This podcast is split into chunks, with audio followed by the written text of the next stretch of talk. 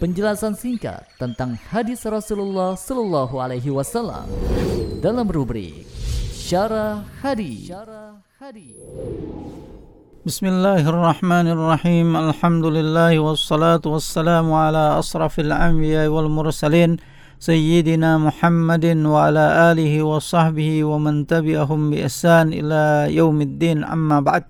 Pendengar yang dirahmati Allah Subhanahu wa taala, pada kesempatan kali ini kita akan kembali melanjutkan pembahasan tentang hadis-hadis Rasulullah SAW masih melanjutkan pertemuan yang lalu yakni tentang larangan berpakaian isbal yakni pakaian yang melebihi batas mata kaki kita semua.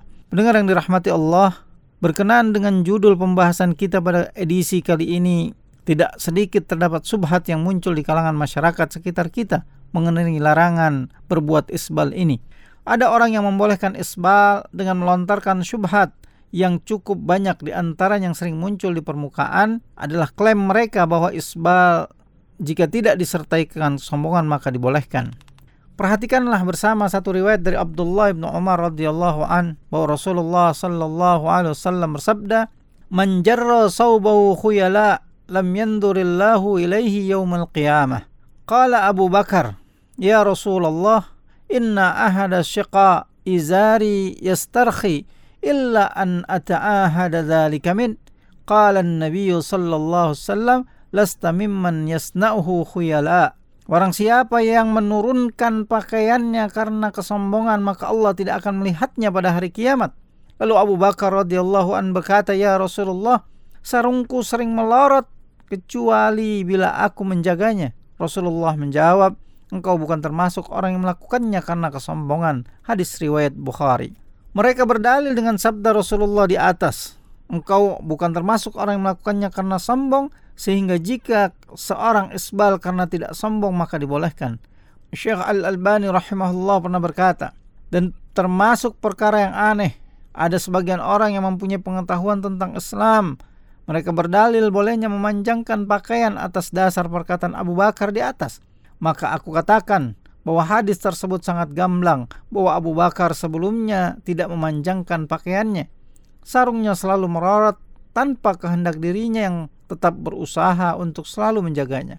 Maka apakah boleh berdalil dengan perkataan ini sementara perbedaannya sangat jelas bagaikan matahari di siang hari dengan apa yang terjadi pada diri Abu Bakar dan orang yang selalu memanjangkan pakaiannya. Kita memohon pada Allah dari keselamatan hawa nafsu kita semua Kemudian saya berkata pada kesempatan yang lain bahwa dalam hadis riwayat Muslim, Ibnu Umar pernah lewat di hadapan Rasulullah sedangkan sarungnya menjulur.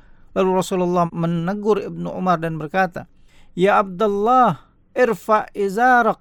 Farafa'tuhu. Thumma qala zid fazidtu. Fama zidtu ataharraha ba'd. Faqala ba'dul qaul ila aina? Faqala asnafis saqaini. Wahai Abdullah, naikkanlah sarungmu.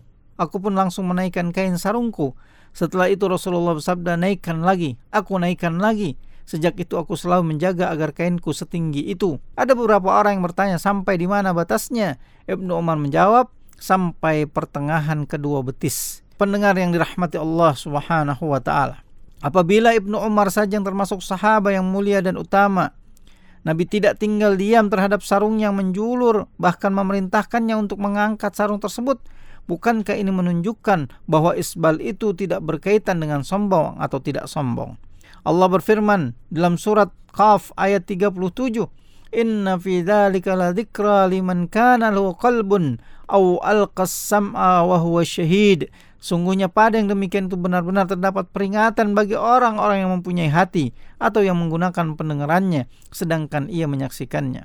Syekh Ibnu Saleh Al-Utsaimin rahimahullah juga berkata, dan adapun orang yang berhujjah dengan hadis Abu Bakar, maka kita jawab dari dua sisi. Pertama bahwa salah satu sisi sarung Abu Bakar kadang melorot tanpa disengaja, maka beliau tidak menurunkan sarungnya atas kehendak dirinya dan selalu berusaha untuk menjaganya.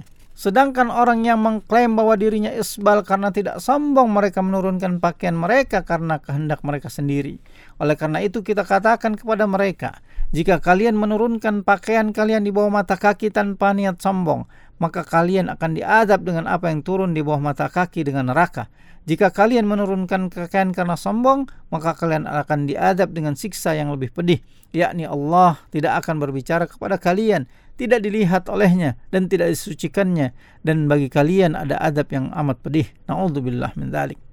Kemudian yang kedua Abu Bakar mendapat rekomendasi dan tazkiyah dari Nabi Shallallahu Alaihi Wasallam bahwa ia bukan termasuk orang yang sombong. Maka apakah kalian juga mendapat tazkiyah dan rekomendasi yang serupa? Pendengar yang dirahmati Allah, bagaimana mungkin larangan isbal dalam Islam dianggap nyeleneh? Padahal dalil mengenai hal itu sangat banyak dan sangat mudah ditemukan dalam kitab-kitab hadis dan buku-buku fikih.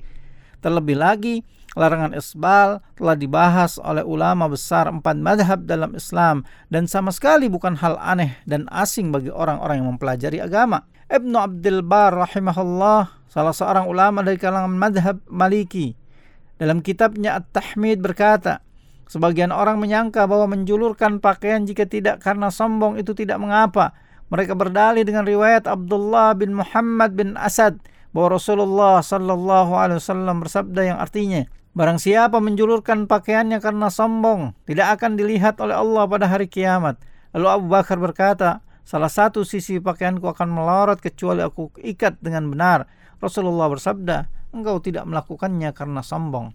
Dalam kasus ini yang melorot hanya satu sisi pakaiannya saja, bukan karena Abu Bakar sengaja melorotkan pakaiannya, oleh karena itulah Rasulullah Sallallahu Alaihi Wasallam bersabda, engkau bukanlah termasuk orang yang dengan sukarela melakukan hal tersebut, bersengaja melakukan hal tersebut, dan tidak mungkin ada orang yang punya praduga bahwa engkau wahai Abu Bakar melakukan hal tersebut dengan sengaja.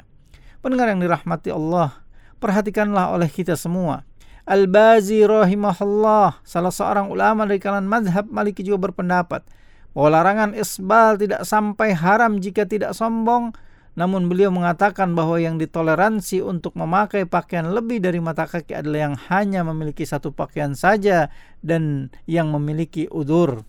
Ibnu Qudama al-Maqdisi rahimahullah, seorang ulama di kalangan madhab Hambali berkata, makruh hukumnya isbal pada gamis, sarung, atau celana karena Nabi Wasallam memerintahkan untuk meninggalkan perbuatan isbal ketika memakai sarung jika melakukan hal itu karena sombong, maka hukumnya adalah haram. Kemudian pendengar yang dirahmati Allah, As-Saharul Furi rahimahullah, salah seorang ulama dengan madhab Hanafi berkata, Para ulama berkata dianjurkan memakai sarung dan pakaian panjangnya sampai setengah betis. Hukumnya boleh tanpa makruh jika melebihi setengah betis hingga mata kaki. Sedangkan jika melebihi mata kaki maka terlarang. Jika melakukannya karena sombong maka haram. Jika tidak maka makruh. Imam An-Nawawi rahimahullah, seorang ulama dari kalangan mazhab Syafi'i pun berkata, kain yang lebih mata kaki itu terlarang. Jika melakukannya karena sombong maka haram, jika tidak maka makruh. Ibnu Hajar Al-Asqalani rahimahullah, seorang ulama dari kalangan madhab Syafi'i juga berkata, bahwa kesimpulannya isbal itu pasti menjulurkan pakaian, sedangkan menjulurkan pakaian itu merupakan kesombongan, walaupun si pemakai tidak bermaksud sombong. Dikuatkan lagi dengan riwayat dari Ahmad bin Mani dengan sanad lain dari Ibnu Umar. Di dalam hadis tersebut dikatakan jauhilah perbuatan menjulurkan pakaian karena menjulurkan pakaian itu adalah kesombongan. Maka dengan demikian tidak benar bahwa larangan isbal itu adalah ajaran aneh dan nyeleneh. Lebih lagi jika sampai mencela orang yang tidak isbal dengan sebutan kebanjiran, kurang bahan dan lain-lain sebagainya. Wallahu musta'an. Pendengar yang dirahmati Allah Subhanahu wa taala, demikianlah tambahan penjelasan dari pembahasan yang telah lalu mengenai larangan berpakaian secara isbal. Semoga Allah Subhanahu wa taala memberikan kita hidayahnya agar kita mampu melaksanakan segala perintah-perintahnya dan menjauhi semua larangan-larangannya.